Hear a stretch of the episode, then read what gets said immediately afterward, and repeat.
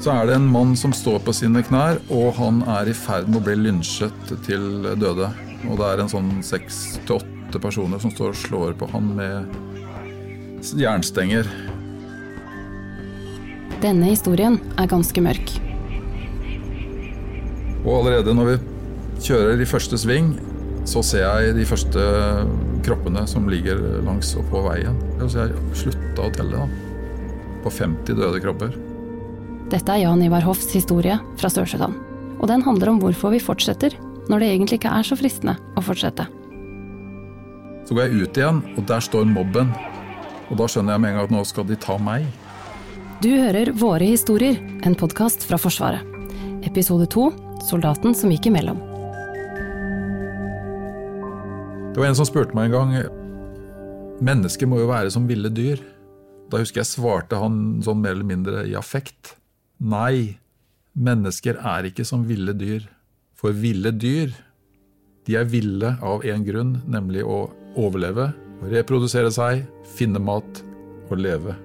Mennesker er bare helt mye, mye, mye, mye verre enn ville dyr. Når det verste kommer fram. Historien til Jan Ivar kunne begynt idet han flyr over et nattemørkt Bagdad i 2005. Eller da han satt i et helikopter som ble skutt ned i Afghanistan. Han kunne fortalt om hvordan det var å være utstasjonert i Bosnia-Hercegovina under Srebrenica-massakren. Om da han var observatør i Syria, eller da han fikk en løve i gave. Men den historien du skal få høre nå, handler ikke om det. Den handler om et annet sted, og om et oppdrag som ble noe av det tøffeste han har vært med på. Bare i løpet av den første måneden kommer han til å møte på barnesoldater og bli trua på livet. Han vil få i oppgave å redde 750 sivile, og ikke minst evakuere en konge. Når jeg reiste til eh, Afrika og Sør-Sudan, så var jeg veldig spent, fordi jeg hadde ikke noen relasjoner eller noe forhold til det kontinentet i det hele tatt. Det er en FN-operasjon Jan Ivar har sagt ja til å delta i i Sør-Sudan. Jan Ivar reiser ut uten noen norsk avdeling, og reiser sånn sett ut på egen hånd, men som en del av FN-systemet. I Sør-Sudan er jobben hans å være den sivile FN-sjefens militære rådgiver. I tillegg har han ansvar for en avdeling med FN-offiserer som skal ut i felt og observere situasjonen og rapportere tilbake til FN. Så jeg dro ned med det for øye at jeg skulle håndtere situasjoner som jeg ikke kanskje hadde øvd så og trent så mye på. Og det hadde jeg rett i. Når du ser for deg Sør-Sudan, må du begynne med Afrika. Midt i, og litt til høyre, ligger Sør-Sudan. Og hvis du sitter i et helikopter og ser ned på landskapet under deg, så vil du se store sump- og våtmarksområder. Du vil se åpne slettelandskap og fjelltopper på over 3000 meter. Der nede bor det 13 millioner mennesker. Sør-Sudan, verdens yngste stat fordi den løsrev seg fra Sudan i 2011. Flyplassen ble i dette øyeblikk vi skulle lande, bombardert av granater. Da tok altså piloten i denne Fokker 50-maskinen, altså et tomotors propellfly, bare en, nær sagt en, en loop i lufta. Og jeg tenker jo at vi landa da for 10-15-20 minutter tidligere, så kunne det ha gått riktig gærent. da. Så allerede der så skjønte jeg at nå skal jeg inn i et område som er helt ubeskrivelig vanskelig å sannsynligvis tjenestegjøre i. da. Hvis du er en av de menneskene som bor i Sør-Sudan i 2014, ville livet ditt kanskje sett slik ut. Er du kvinne, er sjansen stor for at du har blitt voldtatt som en del av krigføringen. Hvis du er barn, har du overlevd i et land hvor barnedødeligheten er blant verdens høyeste. Nå må du passe deg for å ikke bli rekruttert som barnesoldat. Hvis du er voksen og skal forsørge en familie, så må dere klare dere på sju kroner om dagen. Du er hele tida på jakt etter rent drikkevann, og så er du sulten. Over en halv million er nå på flukt. Flere tusen er drept. Det er januar 2014, og Jan Ivar Hoff fra Kråkerøy lander midt i en borgerkrig. Og da var det virkelig eh, høyintensitet-operasjoner rett på utsiden av FN-leiren. FN-leiren er i utgangspunktet ikke en flyktningleir. Den består av noen konteinere hvor FN-personell bor og jobber. Men pga. urolighetene så har folk på flukt nå samla seg rundt og mellom disse konteinerne, i håp om at dette er et trygt sted. Og nå er det mange av dem. 30 000 mennesker. Dermed har området i praksis blitt en flyktningleir. Men egentlig er det bare et område uten tak eller telt. Det er ikke vann eller mat, og det er ingen doer. Da var altså leven, bråk, kuler som ble skutt over hodet på folk inne i leiren. Granatnedslag fra stridsvogner som skøyt. Altså det er med på å skape stress og redsel for alle som fins. Det er blitt morgen den 18. februar, og natta i forveien har de fått urovekkende rapporter. Så um, da var det terror inne i selve FN-leiren og inne blant de internt fordrevne. Hvor det var uh, vold, det var voldtekter og det var regelrette drap på natta rett før uh, situasjonen eskalerte på utsiden av leiren og krigen begynte på nytt, da kan du si. Da konflikten starta, var det egentlig ikke en konflikt mellom folkegrupper. Den handla mer om politisk makt og ressurser, om hvem som skulle ha hva, og hvordan landet skulle styres. Men så eskalerte volden og kom helt ut av kontroll. Og til slutt utvikla borgerkrigen seg til å bli en konflikt mellom dinkaer og nuere, som er de to største folkegruppene i Sør-Sudan. Flyktningene som har samla seg i og utenfor FN-leiren, tilhører flere ulike folkegrupper. Og når de får høre hva som skjer i områdene ikke langt unna, så sprer uroen seg også rundt og inne i leiren. De visste jo hva som ville komme. Det var mobiltelefoner og det var jungeltelegraf. og det var altså Alle som kunne krype og gå, de hadde en formening om hva som kom til å skje. Men det visste jo ikke vi som FN. På morgenkvisten har Jan Ivar gått en runde med en kollega inne i FN-leiren for å få en oversikt over situasjonen. Det er såpass kaotisk og urolig inne i FN-leiren at Jan Ivar varsler og henter den sivile FN-sjefen som han er rådgiver for. De begynner å gå en runde rundt inne i leiren, og det som møter dem, sjokkerer dem. Så er det en mann som står på sine knær, og han er i ferd med å bli lynsjet til døde. Det ser jo jeg ganske kjapt av eh, situasjonen, og det er en sånn seks til åtte personer som står og slår på han med jernstenger. Og på avstand så ser jeg at han er i ferd med å bli drept. Hodet er i ferd med å bli skilt fra kroppen, og blodet spruter. Og ble ordentlig sint. Tok jeg springfart, så hoppa jeg over en sånn midlertidig eh, utlagt piggtrådkveil som lå i grøfta ved veien hvor han var i ferd med å bli drept. Hopper over den. Jeg var jo aleine, da. Tar av meg hjelmen og begynner å parere de slaga som kommer mot han. Og Jeg husker jeg roper mot mobben at stans, jeg er FN, jeg beskytter han nå.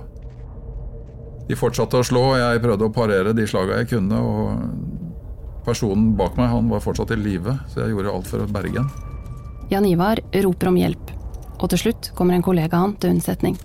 Så drar vi denne kroppen, da, som var vel mer eller mindre livløs, over piggtråden, opp på veien og prøver å få evakuert han inn i et sånt uh, nivå 1 FN-sykehus som var inne i leiren. Og det klarer vi av en eller annen merkelig grunn. Vi trekker han etter oss. Jeg er på venstre side, han er på høyre, kollegaen min. og når vi går med denne kroppen mellom oss, så fortsetter jo slagene å komme. Og da sikter de som skal ta han, de sikter jo på beina hans og skal kløve beina eh, av akilles. Og noen slår på mot hodet, og det medfører jo at min vest blir jo truffet, da. Og eh, Hoff og kollegaen får til slutt den forslåtte mannen inn på sykestua. Og vi får han inn og han blør og er i live, og jeg går ut. Og da var jeg veldig sånn, liksom lykkelig. Nå er jeg glad. Jeg har klart å berge en person fra en veldig krevende situasjon inn på et sykestue. Så. Men utenfor sykestua er det nå amper stemning. Så går jeg ut igjen, og der står mobben. Og da skjønner jeg med en gang at nå skal de ta meg. Så gikk jeg bort til mobben, så sa jeg at eh, ok, her er jeg. Ja, det skulle du ta meg. Fordi jeg hadde redda en voldtektsmann og en morder som hadde drept deres familiemedlemmer. Og det kan godt være sant. Og da tenker jeg at eh, nå flykter jeg ikke. Nå må jeg konfrontere situasjonen. Hvorfor tenkte du at det var viktig på en måte å konfrontere det? Jo, fordi at det ligger vel litt sånn latent denne nysgjerrigheten av hva var bakgrunnen for at Nå må jeg konfrontere situasjonen og spørre de da, hvorfor er dere i ferd med å drepe et annet menneske? Jan Ivar tar av seg hjelmen. Han tar av seg vesten, og han trekker pusten.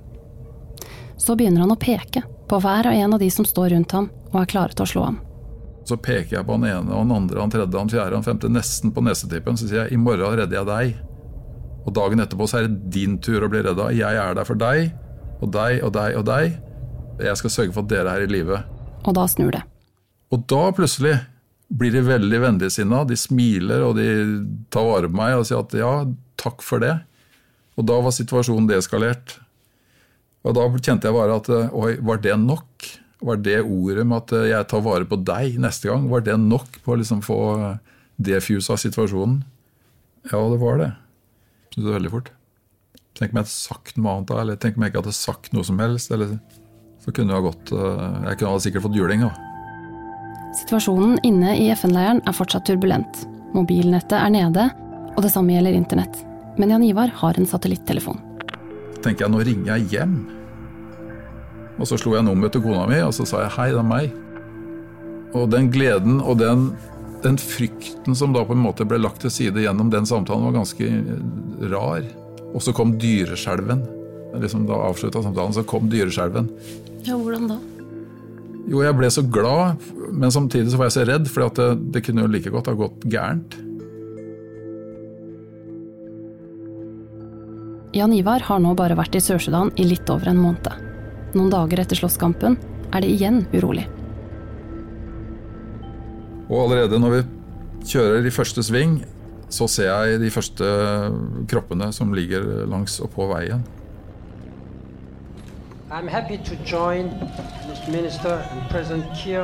Da Sør-Sudan løsrev seg i 2011, tok en mann som heter Salwa Kiir over som president. Salwa Kiir er ofte avbilda i dress og cowboyhatt. Med seg på laget hadde han visepresident Rik Mashar. Det er en mann med firkanta briller og en britisk doktorgrad i filosofi og strategisk ledelse. Sammen skulle de to styre det nye landet, men det ble raskt uenigheter innad i eget parti. Partiet ble derfor delt i to. Regjeringsstyrkene med president Salva Kiir på den ene siden, og opposisjonen med Rik Mashar som leder på den andre siden. Tre år etter løsrivelsen, i 2014, så er situasjonen utenfor FN-leiren så uoversiktlig at ansatte i hjelpeorganisasjoner og FN-ansatte i utgangspunktet ikke får bevege seg fritt rundt. Jan Ivar insisterer likevel på å reise ut sammen med en liten sikringsstyrke for å forsøke å skaffe oversikt over situasjonen og for å finne ut hva som kommer til å skje framover. Etter litt diskusjon med sin egen sjef får han til slutt tillatelse til å forlate leiren. Og de kjører ikke langt før de skjønner at dette er ille. Så tenker jeg her må jeg bare begynne å telle. Her er det så mye død og elendighet. Nå må jeg begynne å telle. Nå må jeg få en oversikt over hvor mange som er drept. Så husker jeg talte så mange jeg kunne, og når jeg kom til 50, så tenkte jeg meg sjøl dette er bare tøys. Jeg kan ikke telle, for da mister jeg oversikten over det andre som skjer. Så jeg slutta å telle da, på 50 døde kropper. Og det er selvfølgelig soldater som ligger eh, skutt og drept, men det er også sivile. Det er mange mennesker som er drept, ikke nødvendigvis med kuler og krutt, men de er eh, Lemmer og, og kroppsdeler er hogd av ved bruk av macheter. Og det var ganske skremmende syn, fordi at eh, konflikten var altså ikke soldat mot soldat, men det var altså eh, klan mot klan, eller eh, nuere mot eh, eh dinkaer og motsatt. Eh, og det var ganske guffent. Og barn var jo også en del av bildet. da. Kampene i Malakal bølger i disse dagene fram og tilbake.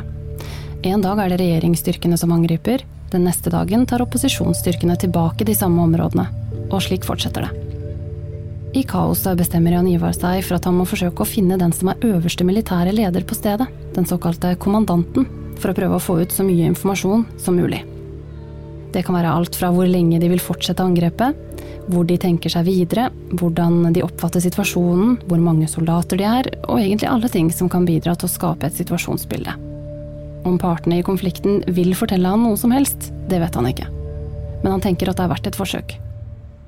Er jo tross alt mange av våre norske menn og kvinner som er ute i uh, elendighetens forgård, altså, hvor de får testa seg.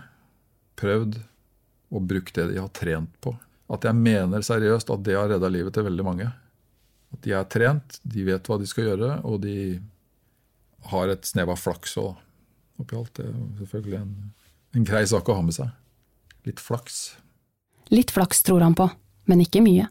Vi kan ha flaks, men det dreier seg ikke om det. da. Til syvende og sist så er det hvem du er. hvordan vi har skrudd sammen, tror jeg. Hva vi har gjort, hvordan vi har vokst opp. Og så kommer hele dette livet, da. Ja, hva består det av, og hvordan har du gjort tingene? Utenfor bilvinduet ser Jan Ivar noen soldater. Kanskje de vil fortelle han noe? Eller kanskje de vet noe? Så treffer jeg på eh, andre soldater, hvorav to var veldig unge. To barn. I mine øyne, da, og jeg stoppa bilene, gikk bort, sa til mine folk at sitt i ro, skal ikke ha noen provokatører her ved bruk av våpen og sånn, så jeg gikk bort til han ene barnesoldaten og så sier jeg at eh, Hvordan åpner du en samtale med en barnesoldat? Jan Ivar har ikke noen spesiell trening i det, men han har plukka med seg et par ting fra noen situasjoner tidligere. I egne hoder så er de små barna voksne. Ergo du tiltaler de, du snakker med de, du er til stede som om det er en voksen person. For de er såpass eh, indoktrinert gjennom det de har gjort, at, uh, har jeg erfart, at du må være litt sånn ryddig i forhold til de tingene du sier og måten du er på. og alt det der. Men, så han gir det et forsøk? Så jeg gikk bort til han ene barnesoldaten og så sier jeg at hvem er du, og hvilket oppdrag har du, og Og ble ganske fort fortalt at her hadde ikke jeg noe å gjøre.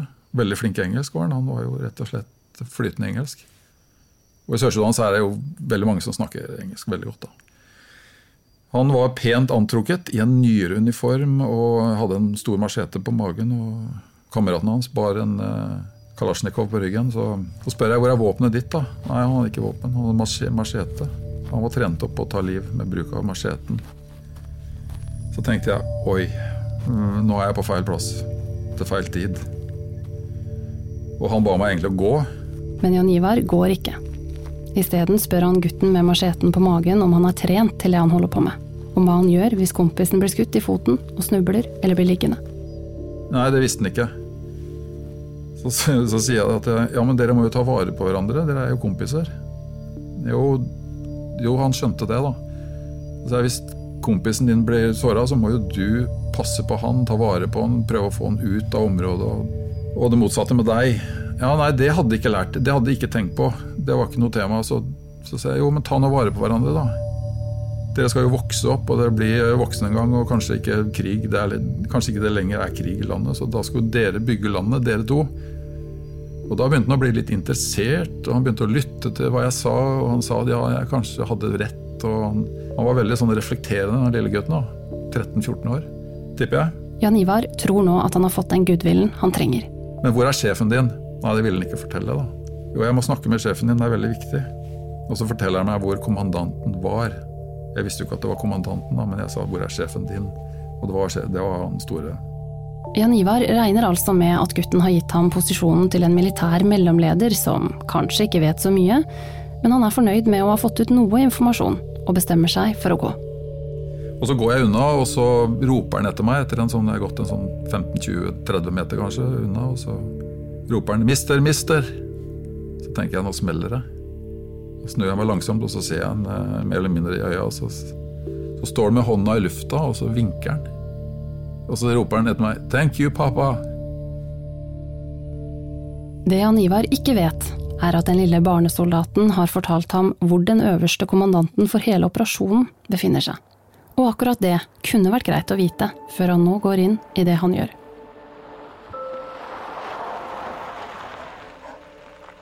Jan Ivar kjører til det stedet barnesoldaten oppga, og går mot en høy og storvokst mann. Han spør om de kan ta en prat, men han får et bryskt nei. Ja, Og så spør jeg hvor er kommandanten. Ja, det var han. Det er meg.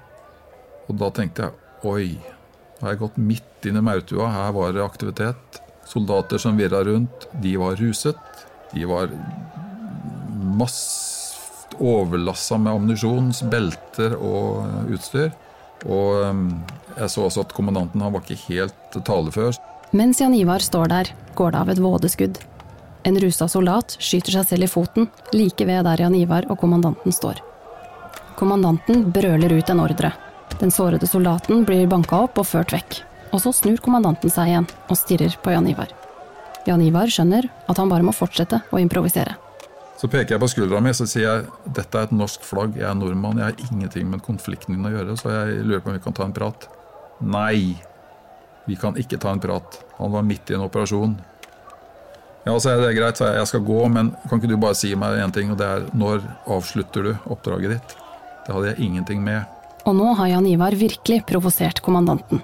Og så sier han til meg høyt og tydelig på engelsk, så høyt han kunne, er jeg sikker på. You will die and you will die now. Jeg ble så enormt forbanna og sint, og rett og slett Og så visste jeg at nå er jeg ferdig. Han var ganske klar og tydelig at nå skal jeg dø. Da fikk jeg vondt i magen. Jeg fikk ikke tid å reflektere over verken det ene eller det andre, eller så livet i revy. Det, var, det er ikke sånn det funker, men jeg, jeg, ble Jeg var helt sikker på at jeg skulle dø. Og da hadde jeg ikke noe annet å forsvare meg med enn sinne, et sinne gjennom et, en bruk av stemmen. Så tenkte jeg bare at nå sier du ifra. Smeller det, så smeller det. Det gjør det sikkert uansett, men nå sier du bare ifra. Jan Ivar sier at han verken bryr seg om kommandanten, soldatene hans eller krigen hans. Han ble Om jeg var rasende sint, så skal jeg fortelle at han var enda mer sint. Og da tenkte jeg nå smeller det. Nok en gang gjelder det å tenke litt fort. Og så fullfører jeg setningen med å si at But I do not, commander, give a shit about your mother, your sister, your daughter. That's what I'm here for. To give them protection. Og idet jeg brukte ordet beskyttelse, protection, så løfter han på begge øyebrynene, og så ser han meg sånn ordentlig i ansiktet, og så sier han ja. Ja. Ok. Så strekker han frem hånda si. Så sier han 'sitt ned'. Og da gjorde jeg det, og uten at det var det veldig vanskelig å be. Og så, så, snakker vi litt sånn helt kort. Og jeg er Norge, jeg er FN, jeg er i leiren, jeg passer på de internt fordrevne. Og så sier han at det, det er greit, du kan gå, men du får lov til å patruljere i byen. Men vent et døgn. Og jeg var kjapp med å gå.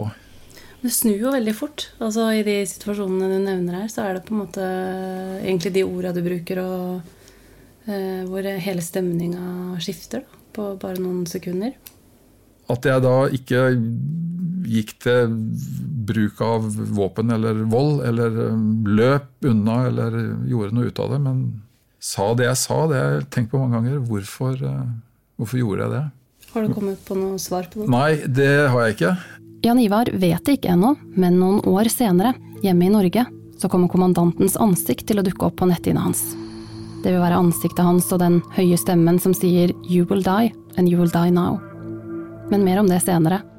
For nå kommer den kanskje tøffeste opplevelsen Jan Ivar hadde i Sør-Sudan. Noen dager senere er Jan Ivar igjen på veien. Og Vi kjører ut, og vi kjører vel ikke så veldig lenge før vi eh, får vite om at det er en pastor i en kirke som eh, har behov for å snakke med noen i FN, FN-ansatte. Pastoren gjør inntrykk på Jan Ivar. Han har et fast håndtrykk og et klart blikk. Jeg treffer pastoren i en kirke. Han var eh, katolsk prest. Og Idet jeg tar kontakt med han, så var han veldig rolig, han var veldig stolt. Han var en flott fyr. Og han sier at eh, vi må evakueres til FN-leiren. Pastoren forklarer at det er mange som har søkt tilflukt i kirken hans, og at de er en blanding av ulike folkegrupper. Noen er dinkaer, noen er nuere, noen er shilukker, og noen er en blanding. Det er barn, kvinner, eldre og menn. Felles for dem er at de frykter at de vil bli drept av soldatene som slåss bare noen kilometer unna. Og han var en sånn klippe. Jeg så bare med en gang at dette er en person jeg godt kan både forstå og like, og har sikkert uh, sine meninger, han som alle andre, men han var veldig trygg. Og gjorde meg trygg. Og jeg tenkte at det han sier, det er fakta. Jeg må gjøre noe. Pastoren er rolig, men også fortvila. Det her er mine barn, sier han. Alle disse menneskene. Det er min plikt å passe på dem. Hoff reiser tilbake til FN-leiren for å be om hjelp til evakuering. Så det at Nå er det ca. 1100 lokalt uh, internt fordrevne som er uh, innesperra, eller for så vidt et tilholdssted i en kirke, da, som ber oss om å ta det inn i leiren. Og egentlig Før jeg får fullført setningen, så sier den sivile FN-sjefen at nei, det skjer ikke, fordi her har vi nok mennesker. Vi er ca. 30 000 i leiren, vi har ikke mat, det er ikke sanitærforhold. Det er ikke vann. Vi kan ikke ta inn flere. Og Da må jeg jo si jeg ble noe stressa, da. Jan Ivar reiser tilbake til pastoren. Så sier jeg at eh, vi har en utfordring. Vi klarer ikke å ta dere inn eh, på en stund. Så her må du beskytte og prøve å forvalte de menneskene du har med deg. Så sier han menneskene mine er mine barn, som han sa, er i stor fare.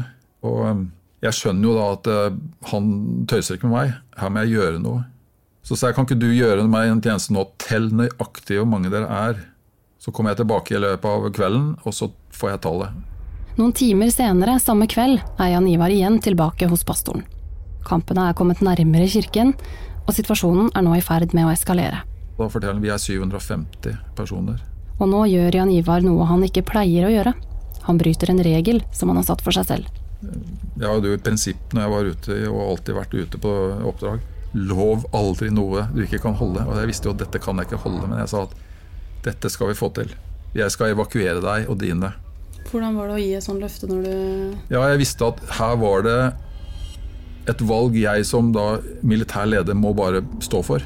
Jeg tok valget. Jeg skal sørge for under enhver omstendighet at du og dine barn, de internt fordrevne, kommer seg inn i leiren. Hva er det viktigste jobbmøtet du har hatt? Jan Ivar skjønner at det her seiler opp som et av hans mer avgjørende jobbmøter. Hvordan skal han få noen som har sagt nei, til å si ja? Hele lederstaben og den sivile FN-sjefen er samla, og de er mange folk rundt bordet når Jan Ivar setter seg ned. Kanskje er det lureste å være litt tålmodig, og følge møteetiketten, og vente på og stole på byråkratiet. Det er bare ett problem. Jan Ivar har gitt et løfte. Denne ene gangen har han lovt noe, og det har han faktisk tenkt til å holde jeg gjør noe. Og Det ble det valget jeg tok der. da. Og fikk mye kjeft for det, og gjorde sikkert noe dumt. Det diskuteres fremdeles fram og tilbake når Jan Ivar får ordet og reiser seg. Brukte utestemmen inne og slo i bordet.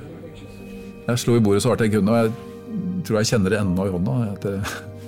Så sa jeg at dette kommer jeg til å iverksette. Dere må gjøre akkurat hva dere vil. Jeg setter i gang. Og det var veldig mye virring og forvirring, og de var ikke helt enige i min beslutning. Men heldigvis så fikk jeg støtte og hjelp.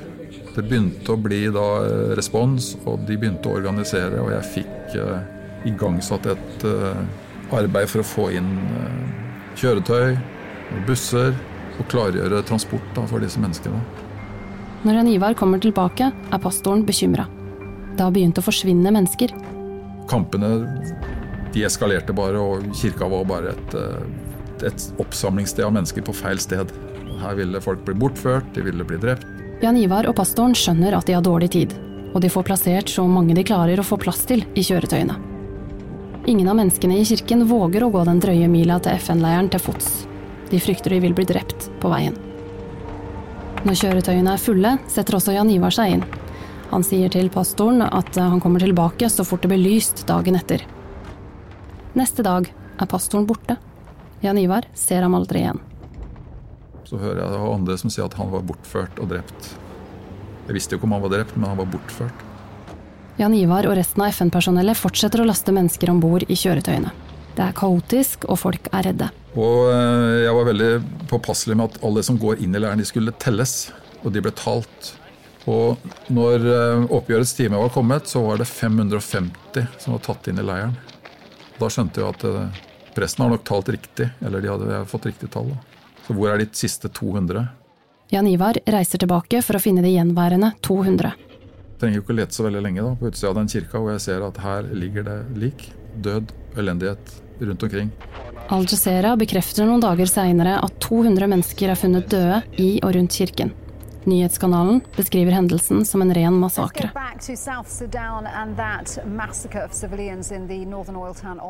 Det var nok riktig at 200 eh, ble dessverre eh, tatt da, før vi fikk inn alle. Sorgen Det er altså en sorg. Sorgen av å miste 200 er større enn gleden av å redde 550. Og det jeg kjent på ganske mange ganger etterpå. At eh, ja, hva kunne jeg ha gjort? for å redde alle. For jeg var der, jeg kunne gjort mer. Det er min sorg. Og Det prøver jeg altså la synke inn. og så tenker jeg selv, ja, men jeg gjorde jo det jeg kunne. Og jeg vet i dag av de jeg klarte å få inn, så var det mange barn. Og noen av de barna har vokst opp. Og Nå har det faktisk gått noen år da, siden, og jeg regner med at noen av barna har blitt fem år eldre og kanskje blitt mor og far sjøl. Og det er en god følelse. Det går ikke mange dagene før Jan Ivar får en litt spesiell telefon. Og jeg forteller generalen i andre enden Sir, I will not do it. Det er FN sin deputy commander, en sjef høyt oppe i systemet, som er på telefonen. Og han ber Jan Ivar om hjelp til å evakuere en person. Da hadde jeg bestemt meg for å nekte oppdrag. Og da tenker jeg neste han sier nå, det er at du er sparket. Jeg var venta på en sånn fire. Jan Ivar har 39 år i Forsvaret bak seg, og han har ikke for vane å nekte oppdrag han blir gitt. Så det koster han litt, det han gjør nå. Samtidig ser han ingen annen utvei fordi han anser oppdraget som et rent selvmordsoppdrag. Personen som skal evakueres, holder nemlig til midt i området hvor kampene utspiller seg, og begge partene, både regjeringsstyrkene og opposisjonsstyrkene, har gitt klar beskjed om at alle som beveger seg inn i området, vil bli drept, uansett om de er FN eller ikke. Jan Ivar synes ikke han kan sende sine egne ansatte inn i en situasjon hvor de nesten helt sikkert vil bli skutt eller drept. Samtidig så um, skjønner jo jeg at dette oppdraget er såpass uh, heavy at hva nå? Og jeg begynner å undersøke hvem er denne personen? Det er ikke hvem som helst som skal evakueres. Det er kongen for sjilukkene. Han er en nøytral part i konflikten. Arverekken til Shiluk-kongen går helt tilbake til 1400-tallet, så hvis han blir drept, frykter man en konflikt i konflikten. Evakueringen er derfor strategisk og politisk svært viktig. Jan Ivar er fast bestemt på at han ikke kan sende sine egne ansatte ut, men han begynner likevel å undersøke litt. Kanskje han kan dra ut? Hva er det som er mulig å få til her? Og så begynner jeg å planlegge, men det var lettere sagt enn gjort fordi at Det er en del som må klaffe. Helikoptrene som eventuelt skal brukes, er gamle, tunge sovjet-transporthelikoptre av typen Mi-8. De lager mye bråk og vil være godt synlige i terrenget. Dermed er de også lette mål å skyte på. Skal de ta sjansen på å fly inn og fly ut? Er det mulig å få med seg en pilot på et sånt oppdrag? Jan Ivar plukker seg ut en kar som kanskje, kanskje kan være av typen til å si ja. Det er en godt voksen flyger fra Ukraina. Jan Ivar tar han med inn på operasjonsrommet og går rett på sak. Du på kartet som vi står og ser på nå, så i morgen tidlig kan du fly ut hit. Så ser han meg du er, you are crazy. Nei, det mente han at det var for farlig. Så jeg, men hvis jeg sier at jeg tar alt ansvar, I am the commander and you are pilot. Du og jeg flyr ut dit, vi bruker to helikoptre, vi har FN-styrke som uh, Force Protection, og vi skal ut og hente en person.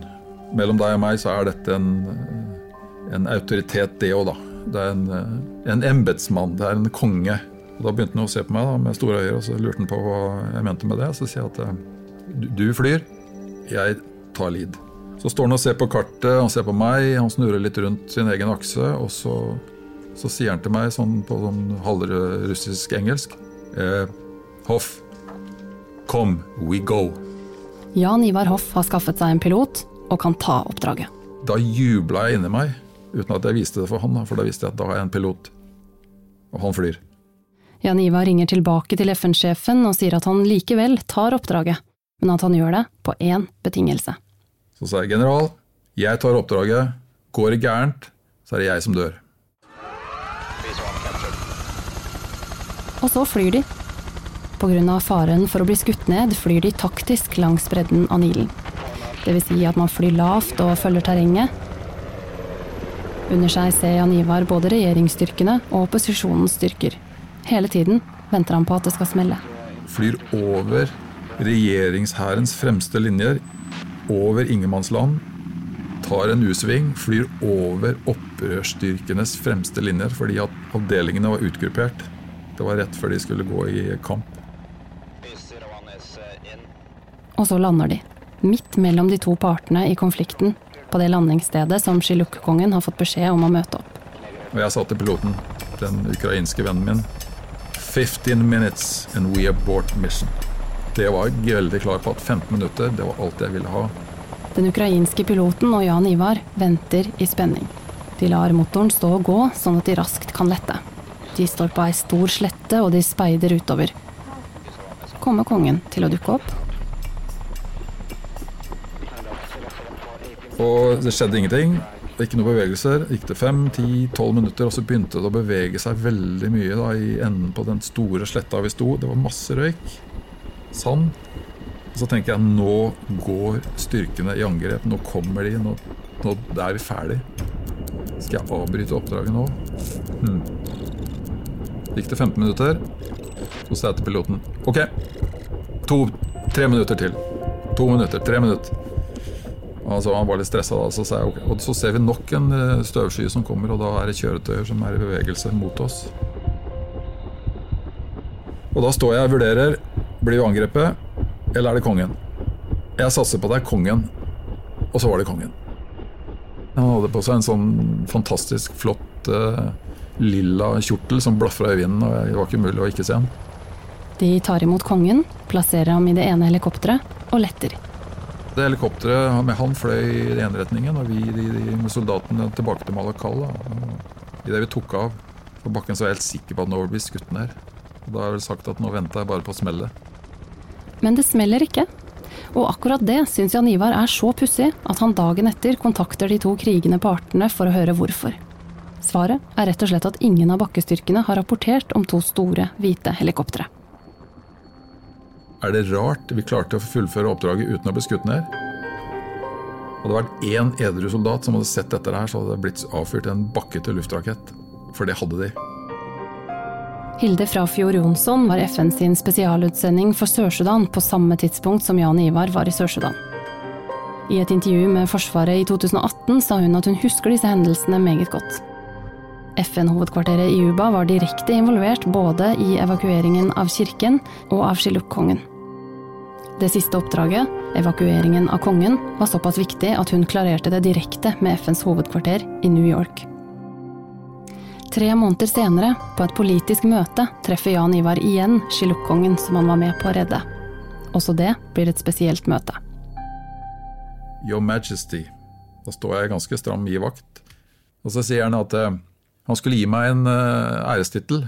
Så sa jeg Deres Majestet, jeg kan ikke, jeg er norsk og har en norsk uh, offisersgrad, og jeg kan ikke det her. Nei, ja ja, dette skjønner jo han òg, at han ikke kunne tilby meg noe som helst, men fra og med dette øyeblikk, han, når du er her, så er du You will be my general of honor. Så han ga meg en sørsudansk chiluk generalstittel. Etter møtet tar de to følge ned til bredden av Nilen.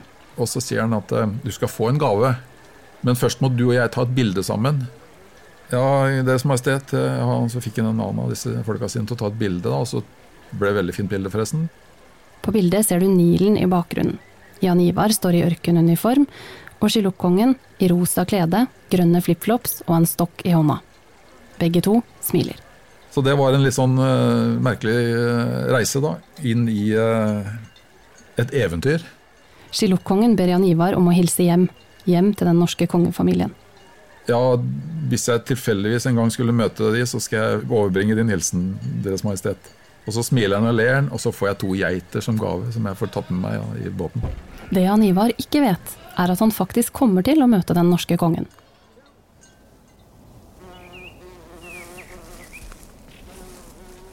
Sommeren 2016 er Jan Ivar tilbake i Norge. Han tenker at det kanskje holder nå, etter ti ulike utenlandsoperasjoner. At det kan være fint å få igjen pusten, og at det har vært nok død og krevende situasjoner på en stund. Jeg syns det er veldig fint å gå i fjellet og fiske litt og jakte litt og innimellom. Og så sommeren 16 så var jeg nettopp i fjellet, og vi var eh, hele familien faktisk på tur. Jeg bar tungsekk, og vi hadde med telt og utstyr og alt mulig. Og så får jeg jo veldig vondt i hodet og blir svært krevende å gå. Men jeg var vel litt sta, da. Og Da husker jeg fruen sier at uh, du er ikke helt bra sånn som du ser ut nå. Nå tror jeg vi avslutter turen, og så tar vi en tur til legen. Men hvorfor det? Jo, du går og virrer og klarer ikke helt å ha fokus og sånn. Hos legen blir Jan Ivar sendt videre til Stavanger for røntgen, og så til Bergen for videre utredning. Han har fortsatt ikke fått vite hva det kan dreie seg om, og sitter og venter på et sykehusrom. Så kommer det en dame inn på rommet, og så da hadde nettopp kona mi gått ut, og så kommer en dame inn og så sier hun, kan jeg få sitte her med deg. Ja, det kan du jo. Jan Ivar ser nå at det er sykehuspresten som har satt seg ned sammen med han. Og Så fortsetter hun med å si at du, du skal til Bergen og jeg håper du kommer tilbake igjen. Da begynner jeg å lukte noen ugler i mosen her, altså. Ja, jeg håper jo òg det. Det er ikke bare, er ikke det bare en sånn rutinetur. Altså. Ja, jo. Men jeg har lyst til å gjøre en ting, sa hun først. Ja, Kan jeg få gi deg velsignelsen? Akkurat i det momentet det skjedde, så var jeg tilbake foran den kommandanten i Sør-Sudan. Og da var jeg igjen 100% blank sikker på at nå er døden nært forestående. Av en eller annen grunn så tenkte jeg nå dør du. Nå dør jeg igjen. Så legger du hånda på hodet mitt. Herren velsigne og bevare deg. Og da ble jeg ordentlig stressa. Når det kommer en prest og gir deg velsignelsen, det er ikke bare sånn enkelt. Altså. Da, den var brutal, altså. Og det kan være i kamp og kan være i krig, men altså, den der var ganske tøff. Det viser seg at Jan Ivar har hatt tre kraftige hjerneblødninger, og at han har en svulst i hodet som de ennå ikke vet om er ondarta eller ikke. Han opereres med det samme. Det er blitt august, og Jan Ivar er hjemme i garasjen og rydder når kirurgen som opererte ham, ringer. Og da står jeg i garasjen med telefonen i hånda så tenker jeg fader ulland meg, altså. Dette var for jævlig. Kirurgen sier kreft på baksiden av låret, kreft i lysken. Kreft i tilknytning til en av lungene, i en binyre og kreft i hodet. Nå, altså, nå, har jeg levert, jeg har vært på jobb, jeg har tatt mine oppdrag. Jeg har kommet gjennom livets utfordringer på en god måte, og nå skal jeg faktisk dø av en drittsjukdom som veldig mange får, og veldig mange har, og veldig mange sliter med. Og så tenker jeg hm, hvis Jan Ivar ikke hadde blitt syk, så hadde han ikke fortalt om blant annet opplevelsene i Sør-Sudan. Men sykdommen endrer måten han tenker på. Jeg har tatt mine oppdrag, jeg har løst de, og jeg har gått videre. Jeg trenger ikke å snu meg og se bakover, det har jeg ikke noe behov for. Men så skjedde dette med sykdommen min. Og så tenkte jeg at hvis jeg dør nå og ingen får vite om hva jeg faktisk har gjort, så tok jeg kontakt med mine foresatte i Forsvaret og så sier jeg at jeg har et par eh, ting dere bør vite om hvis jeg dør.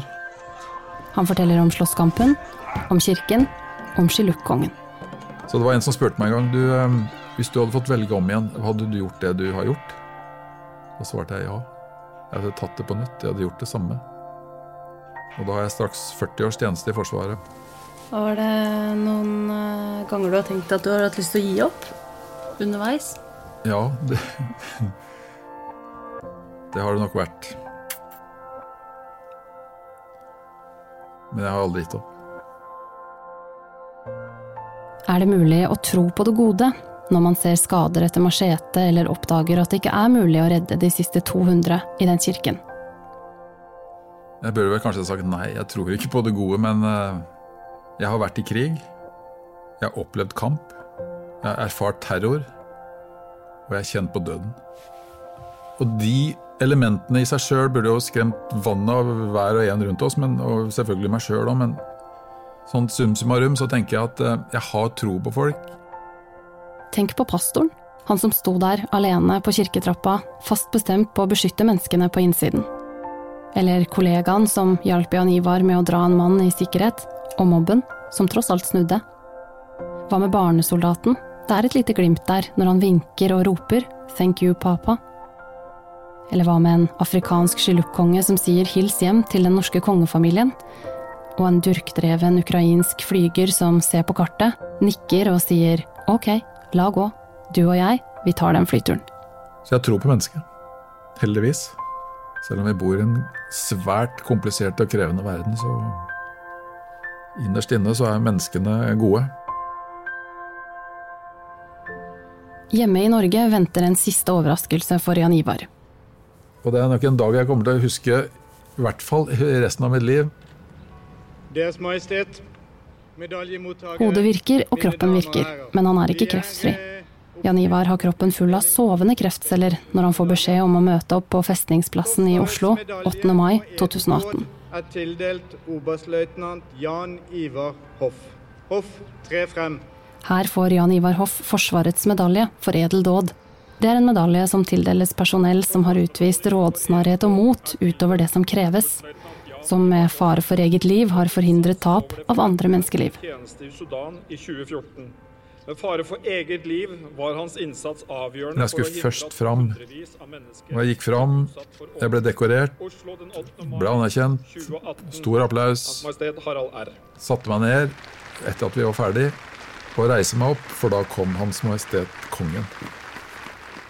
Og tenker som så at ok, nå skal jeg det var en liten tanke inni hodet mitt om jeg skulle hilse fra han i, i, Afrika, men så tenkte jeg nei, det, det kommer jo aldri til å skje. Men jeg strakk fram hånda og så tenkte jeg nå skal jeg uansett hva jeg nå gjør, skal jeg se min øverste krigsherre, kongen, i øya, og så skal jeg si tusen takk. Og det klarte jeg. Jeg tok henne i hånda, klemte til, og han dro til skikkelig håndtrykket, han. Så, så sier jeg Deres Majestet dette er en fantastisk stor ære. Og han så på meg, og jeg så på han, og så tenkte jeg det er greit. Nå er dagen fullbyrdet. Nå er den fullkommen. Fem år senere er situasjonen i Sør-Sudan fortsatt alvorlig. I 2016 blusset konflikten opp igjen, og FN avdekket bl.a. at det ble drevet med planlagt utsulting av enkelte folkegrupper, bombing av sivile og grove menneskerettsbrudd. FN-misjonen har også selv fått kritikk for ikke å gjøre nok for de sivile, og for å ha et for svakt mandat. I dag er store deler av befolkningen i Sør-Sudan helt avhengig av nødhjelp for å overleve. Forsvaret har nå 17 stabsoffiserer i Sør-Sudan. Du har hørt Våre historier, en podkast av Forsvaret. Episode 2 Soldaten som gikk imellom. Intervju, manus og fortellerstemme var ved Hanne Marie Maugesten. Produksjon og lyddesign Jørgen Bergsund.